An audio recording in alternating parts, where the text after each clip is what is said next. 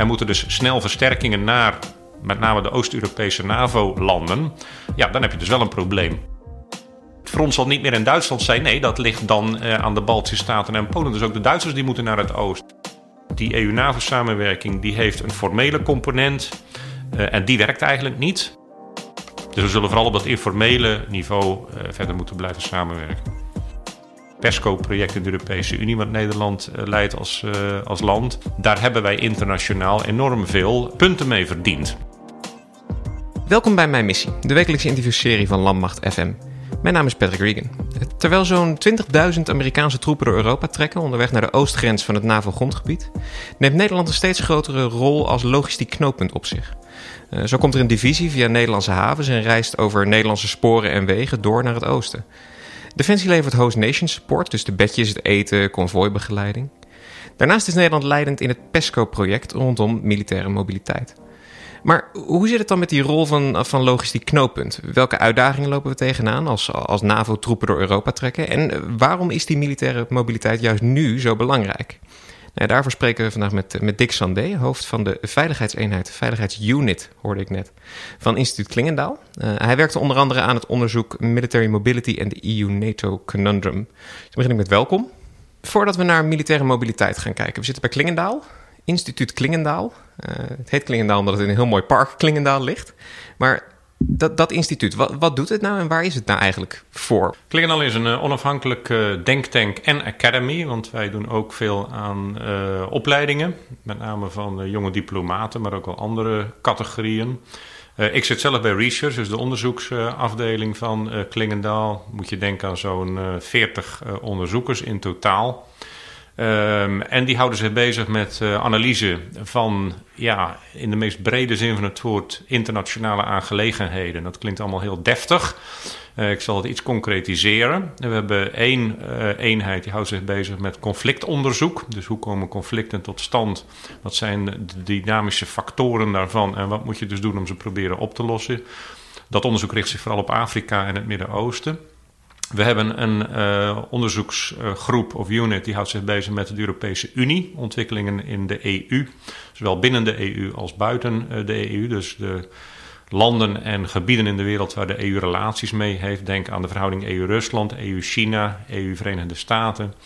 En ik zelf leid dus de uh, kennisgroep of unit Veiligheid, die zich bezighoudt met veiligheids- en defensievraagstukken. Wij produceren onder andere de jaarlijkse Strategic Monitor, samen met de collega's van het uh, Hague Center for Strategic Studies die eigenlijk de basis vormt voor de Nederlandse regering uh, om beleidsnotities uit te brengen die over veiligheid gaan. Die monitor die schetst de uh, trends hè, in de wereld op het punt van veiligheid in, in hele brede zin.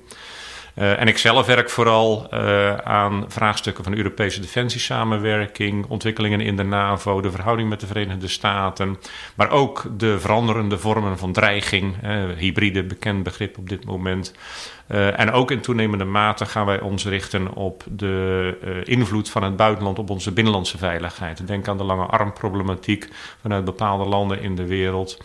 Maar ook terrorisme uiteraard. Uh, grote criminele netwerken die hun oorsprong vinden, bijvoorbeeld in Afrika, in mensensmokkel, maar een effect hebben op de. Dus ja, veiligheid is een ongelooflijk breed begrip geworden. Het gaat niet meer alleen meer over bommen en granaten, maar gaat over zoveel verschillende onderdelen dat het bijna niet meer te bevatten is. Ongelooflijk complex geworden. Ja. Nu heb ik uh, in een landmachtpodcast heel veel militairen en mensen die uh, uh, dicht met militairen samenwerken. Om een klein beetje een beeld te schetsen van wie u nou bent. U bent een onderzoeker.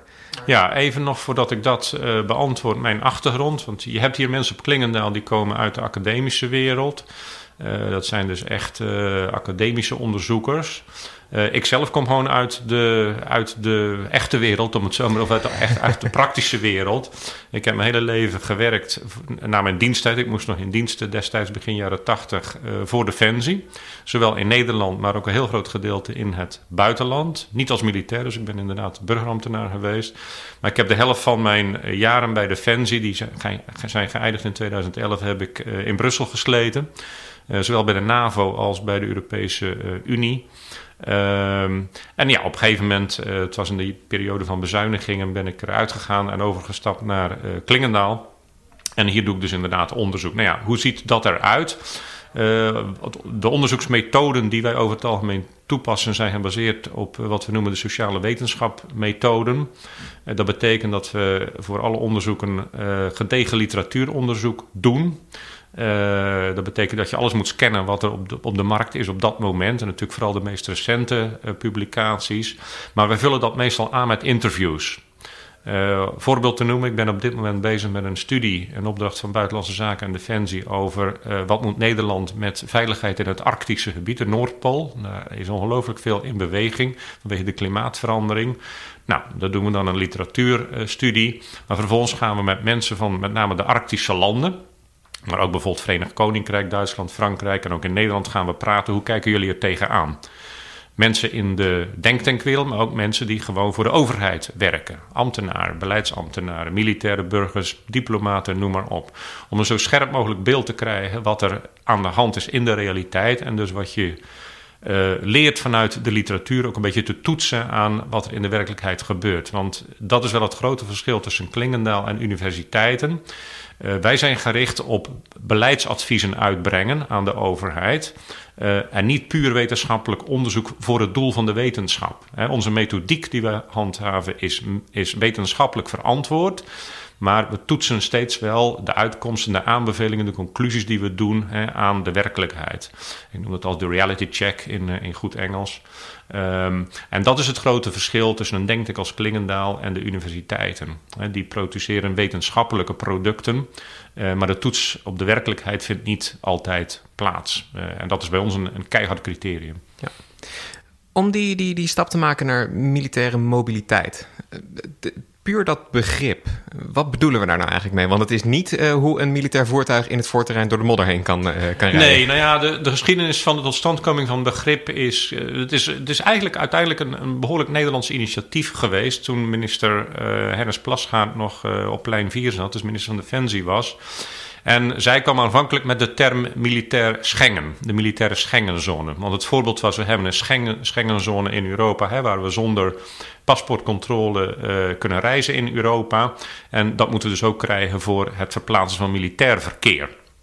Uh, want als je met uh, auto wil van vandaag van hier naar Warschau, dan rij je daar in een dag min of meer naartoe. Maar moet dat met een militair voertuig doen, en dan kost het dagen, zo niet weken, want dat mag niet. Dan heb je allerlei toestemmingen nodig, telkens als je een landsgrens uh, overschrijdt. Nou, haar idee was dus, dan gaan we een militair Schengen creëren. Nou ja, dat stuit wat op bezwaren uh, in de politiek-diplomatieke wereld. meer omdat Schengen nogal ter discussies komen te staan vanwege de migratieproblematiek. Dus uiteindelijk heeft men een andere term bedacht en zo kwam militaire mobiliteit. Het is een beetje een raar woord. Geeft wel een makkelijke afkorting oost, MM. is heel kort en krachtig. en ja, en dat is het gewoon geworden. Maar dat, dat zit er dus eigenlijk achter. En die militaire mobiliteit is, moet dus eigenlijk uh, ervoor zorgen dat inderdaad een voertuig van Nederland naar, uh, zij het Litouwen, zij het Estland, zij het Polen, uh, makkelijk daar naartoe kan rijden. Ja. Wat is nu dan de problemen waar we tegenaan lopen als we datzelfde zouden proberen? Nou, er zijn dus er zijn verschillende soorten problemen. Hè. Een van de problemen is dat je kunt niet zomaar met een, een tank, een, een, maar zelfs niet met een militaire vrachtauto bij wijze van spreken, zodra het militair is, de militair kenteken op, kun je niet zomaar de Nederlands-Duitse grens over, de Duits-Poolse grens over, de Pools-Litouwse grens uh, over en noem maar op. Dat kan niet, omdat je steeds permissie nodig hebt. Hè? Je hebt toestemming nodig om dat te doen.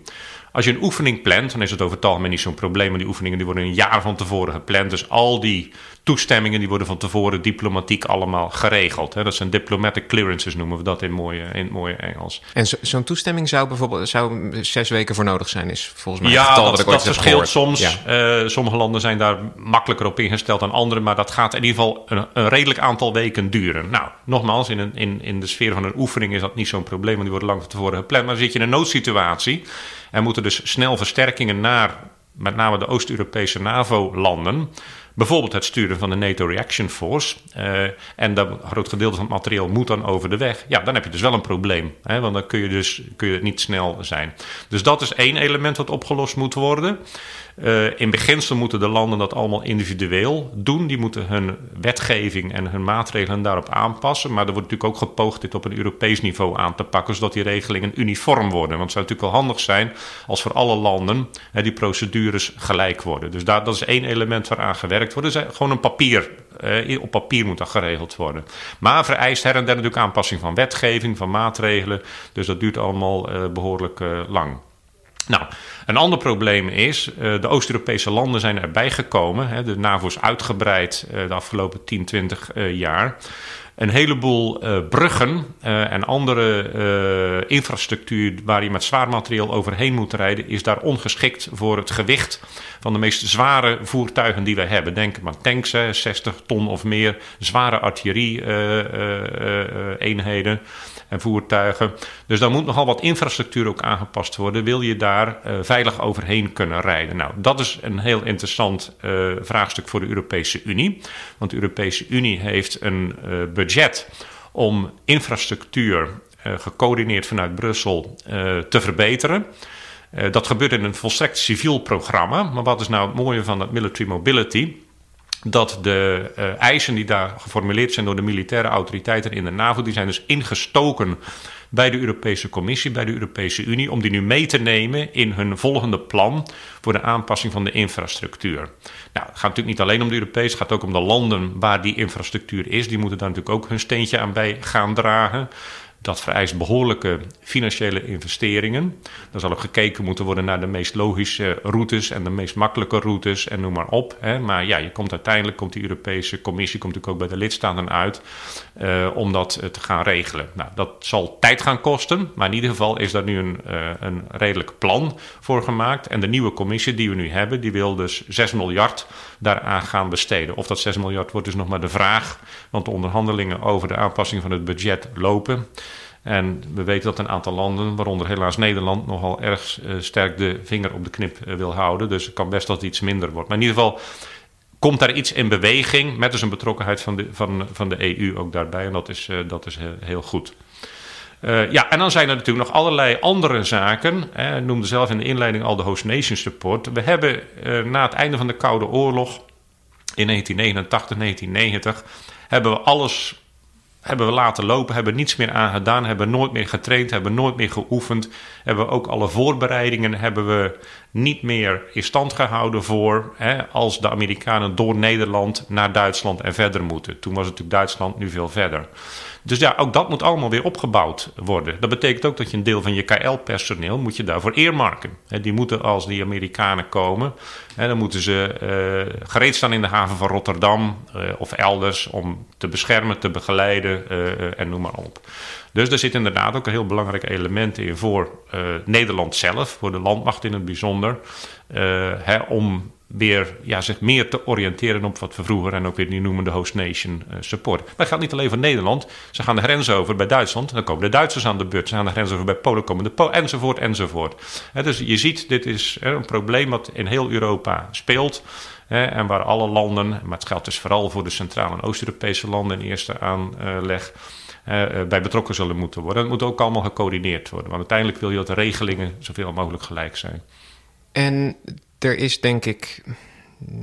Eigenlijk weet ik het niet. Ik weet niet of er bereidheid van al die landen is om ook echt op dat niveau uh, uh, bij te dragen daaraan. Maar ik kan me bijvoorbeeld wel voorstellen dat als het gaat over infrastructuur, over het versterken van bruggen, als daar Europees geld voor vrijkomt om bruggen in een land sterker te maken, wat denk ik ook voor de civiele transport en dergelijke in dat land nut heeft, dan zal dat sowieso een positief iets zijn voor dat land. Dus eigenlijk is mijn vraag: is het niet heel logisch voor deze landen om daaraan mee te willen werken? Dat is buitengewoon logisch. En ik denk ook dat uh, dat voorstel van de Europese Commissie over het algemeen veel steun krijgt. Maar het blijft natuurlijk niet bij die paar miljarden die de Europese Commissie erin steekt. Als je kijkt naar de staat van infrastructuur, met name in de Oost-Europese landen. Uh, die is uh, over het algemeen niet al te goed. Eh, er zal heel veel geld naartoe moeten. Dat betekent ook dat die landen zelf daar heel veel geld in moeten stoppen. Nou, we weten allemaal uit de Nederlandse situatie. Hè, je hebt heel veel begrotingsposten. Er moet altijd gekeken worden naar het evenwicht. En de zorg is heel belangrijk en wordt steeds belangrijker. En onderwijs is belangrijk en wordt steeds belangrijker. En dat betekent dus ja, dat toch weer dat bekende politieke spel gaat optreden. Van ja, hoeveel kunnen we er zelf voor beschikbaar maken?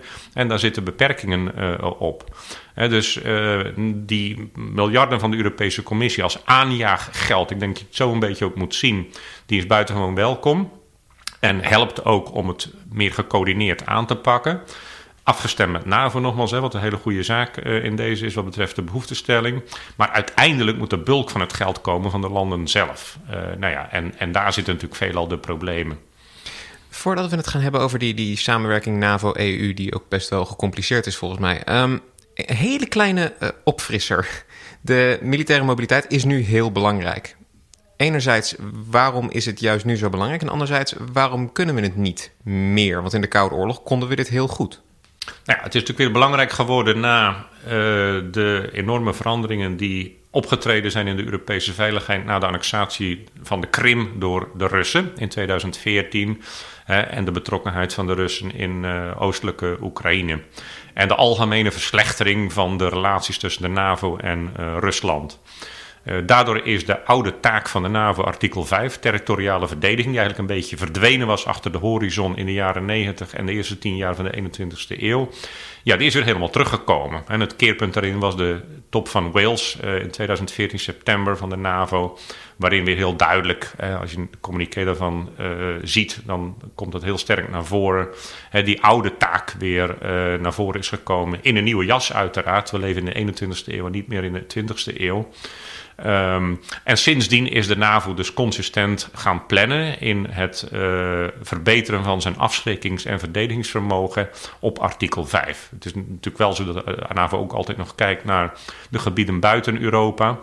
Maar je ziet wel dat dat afgenomen is en dat de primaire aandacht in de defensieplanning toch vooral uitgaat naar uh, artikel 5. En die was 20 jaar verwaarloosd, want ja, in de jaren 90 nadat het Warschau-pact was verdwenen, de muur er niet meer was, de Sovjet-Unie verdween en uiteenviel en allerlei nieuwe staten ontstonden, waaronder bijvoorbeeld de Baltische staten en noem maar op, eh, leefden we toch in de gedachte eh, dat ze gewoon met Rusland een normale verhouding zouden kunnen krijgen eh, en dat het allemaal niet meer zo nodig was.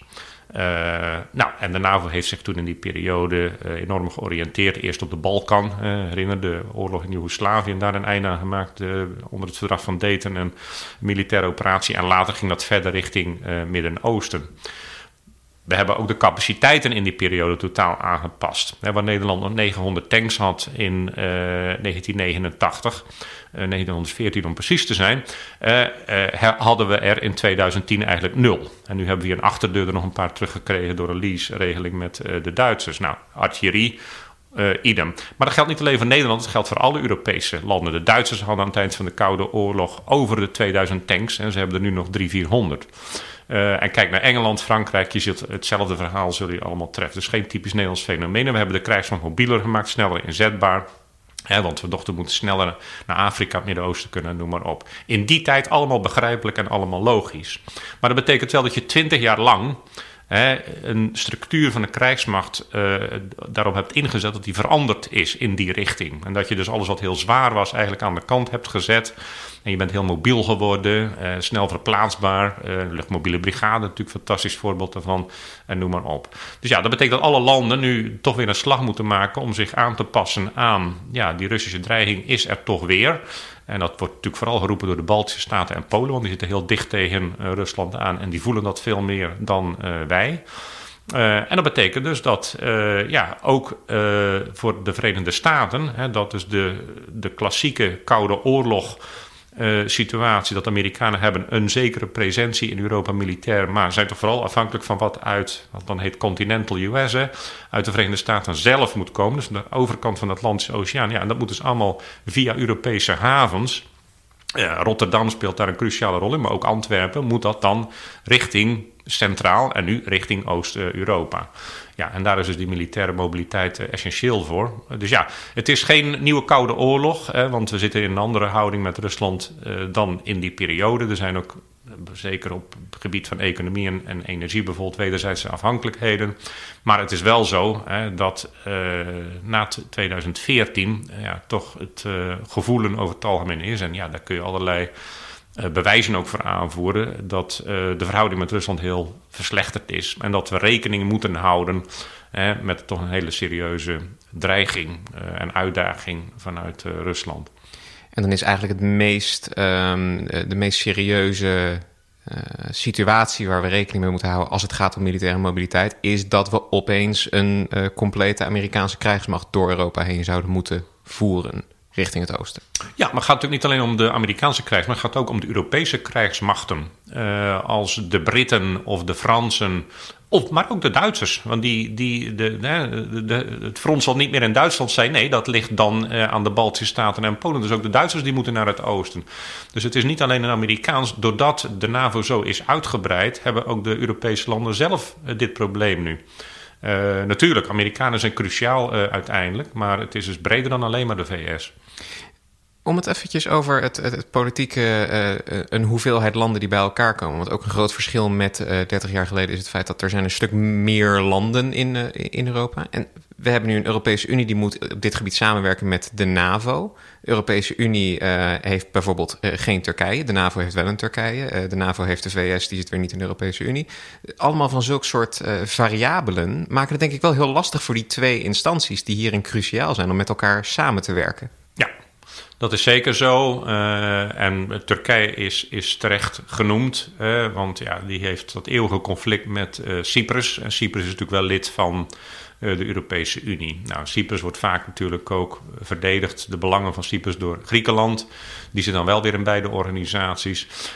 dat is één aspect wat het lastig maakt. Maar ik, ik zou het ook willen noemen het feit dat sinds Trump aan het bewind is in Washington zowel binnen de NAVO, maar zeker de verhouding van de Verenigde Staten tot de EU. Dat enorm verslechterd is. En dat heeft niet meteen zo'n effect op een onderwerp militaire mobiliteit. Uh, want dat wordt toch over het algemeen uh, geregeld uitgevoerd en opgezet door het Pentagon, door de militaire uh, autoriteiten in de VS. En die blijven wel heel netjes en keurig samenwerken met. Maar ja, op een hoger politiek niveau nemen die spanningen wel toe. En als die zo blijven en dat zet door, Trump wordt herkozen in november, dan kun je toch niet uitsluiten dat ook andere dossiers, waar nu nog redelijk op samengewerkt wordt, die uiteindelijk bevuild gaan worden door die verslechterde politieke verhouding. Uh, dus het is niet alleen de klassieke problemen die er zijn, Turkije, Cyprus. Die uh, in het verleden het ook buitengewoon lastig maakten om op dat dossier samenwerking EU-NAVO grote stappen te zetten.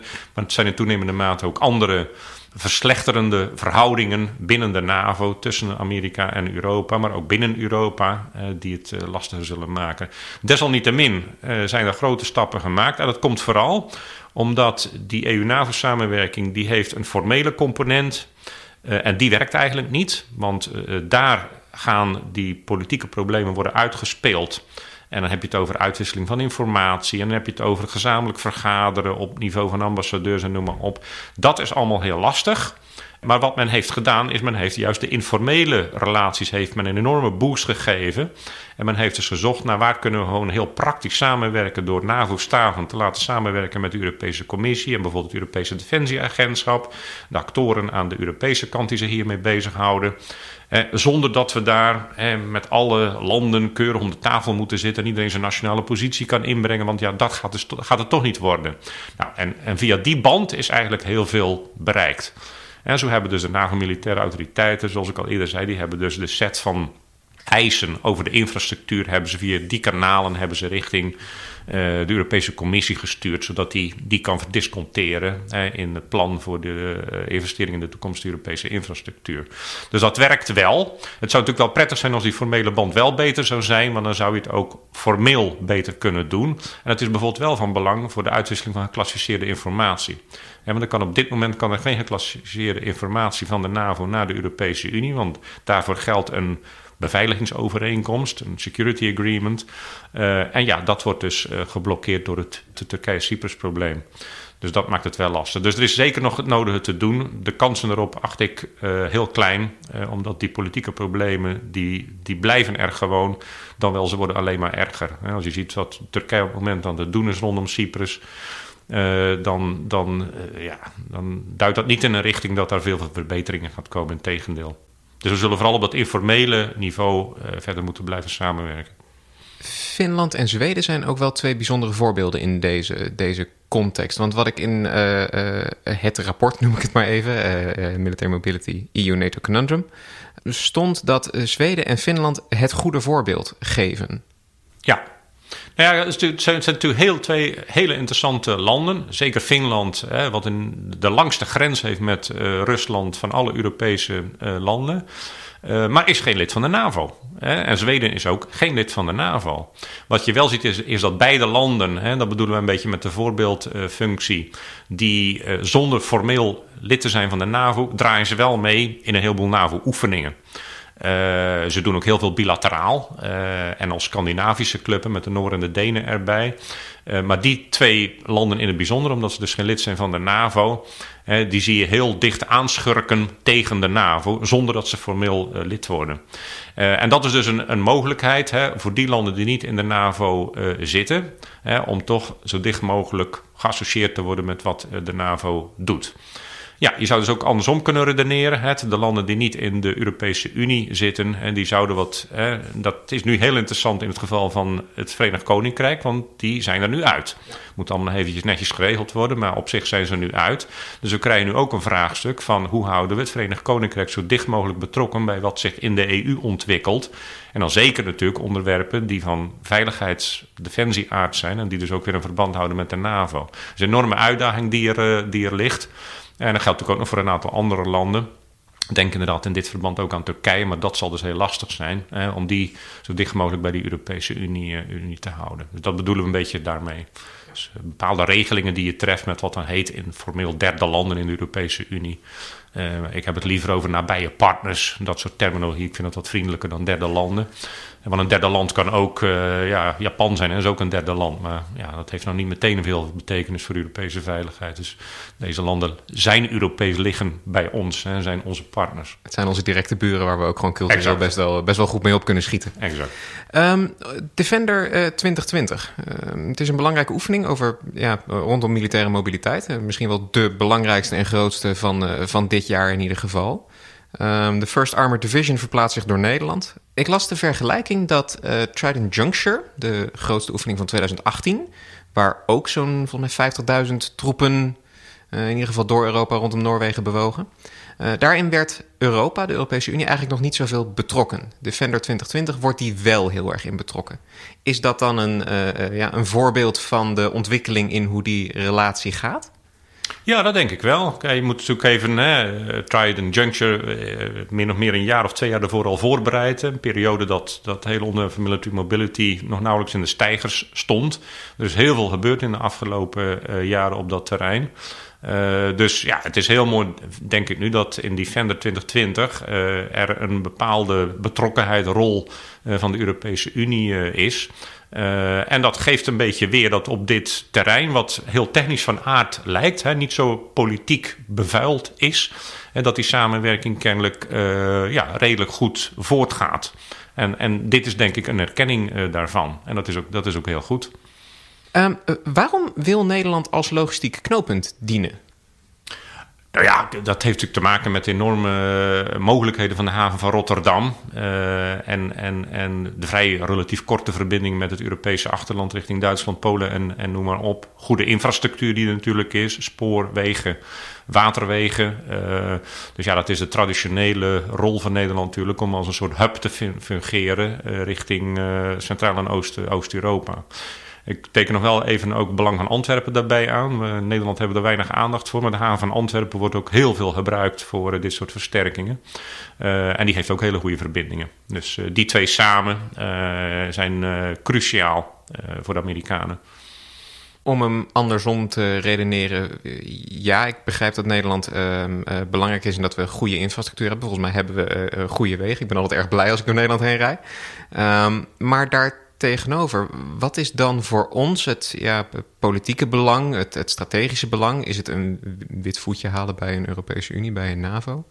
Um, wat is nou voor ons echt het, nut om hier zo'n sterke bijdrage aan te leveren? Nou ja, dat, dat heeft denk ik te maken met uh, dat je als uh, bondgenoot, als lid van de NAVO, maar ook van de Europese Unie uiteraard, in beide gevallen behoort Nederland tot de oprichters hè, van die organisaties.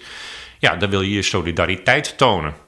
Als dat mooi samenvalt met iets wat je te bieden hebt, in dit geval enorme havenfaciliteit en goede infrastructuur, nou ja, dan is dat een win-win. Dus dan komt eigenlijk het buitenlands politieke met het militair technische belang komt heel prachtig samen. Ja, en dan, en dan krijg je denk ik uh, automatisch dit, uh, dit beleid hè, om, om je als host nation te promoten. en daar internationaal krediet mee te winnen, mee op te doen. En dat is natuurlijk ook zo. Kijk, het hele military mobility, nogmaals gelanceerd in de tijd van minister Hennis, maar terecht ook genoemd in het begin, hè, PESCO-project in de Europese Unie, wat Nederland leidt als, als land daar hebben wij internationaal enorm veel uh, punten mee verdiend. En als je in het internationale spel in de Europese Unie en in de NAVO een invloedrijke positie wil hebben, dan kun je die alleen maar krijgen als je ook iets doet. Als je delivert, als je iets levert. Uh, met alleen woorden kom je er niet. Je zult je, je, je, het bevechten van invloed zul je moeten onderbouwen met daden. Uh, en military mobility is daar natuurlijk een, een, schitterend voorbeeld van. Dus dat speelt inderdaad, denk ik, allemaal mee. Dan is mijn, mijn laatste vraag. En ik, ja, dan ga ik vragen om vooruit te kijken. En dat is natuurlijk altijd lastig. Maar wanneer kan ik hier in mijn, in mijn Leopard stappen en direct naar Letland rijden? Los van het feit dat de Leopard ieder lastig over de snelweg gaat, maar... Ik denk dat het beter is om de Leopard op de trein te zetten. En dat kan volgens mij denk ik nu uh, al. Maar goed, we moeten dus ook rekening houden dat dingen over de weg uh, moeten gaan. Ik weet dat niet, want ik weet niet precies. En dan gaan we in de technische details waar nog de grote obstakels zitten in de infrastructuur. Uh, men is bezig dat allemaal in kaart te brengen en ook bepaalde uh, logistieke hubs te gaan bouwen in Centraal- en Oost-Europa. Een soort concentratiepunten. Dus ik zou het antwoord op die vraag niet, uh, niet weten. Wat mij wel lijkt is dat dus die aanpassing van die infrastructuur, bruggen, wegen en, en noem maar op, om die gereed te maken voor de meest zware voertuigen, ja, dat zal toch de nodige tijd gaan vergen. Onwijs bedankt voor het luisteren. Mijn gast vandaag was Dick Sandé. Ben je een fan van de show? Help ons door een review achter te laten op Apple Podcasts of Stitcher. Of raad de show aan bij vrienden, familie, collega's. En ben je nou benieuwd naar een onderwerp dat wij moeten behandelen? Tweet dan met de hashtag Mijn Missie of stuur ons een bericht op Facebook of Instagram. Mijn Missie is een productie van de Koninklijke Landmacht. Nieuwe afleveringen komen iedere maandagochtend online en je vindt ze in de meeste podcastspelers. Gewoon zoeken op Mijn Missie. Abonneer je en mis geen enkele aflevering. Je volgt de Koninklijke Landmacht via Twitter, Instagram, Facebook en YouTube en check defensie.nl voor het laatste nieuws rondom de krijgsmacht. Nogmaals, onwijs bedankt voor het luisteren en tot volgende week.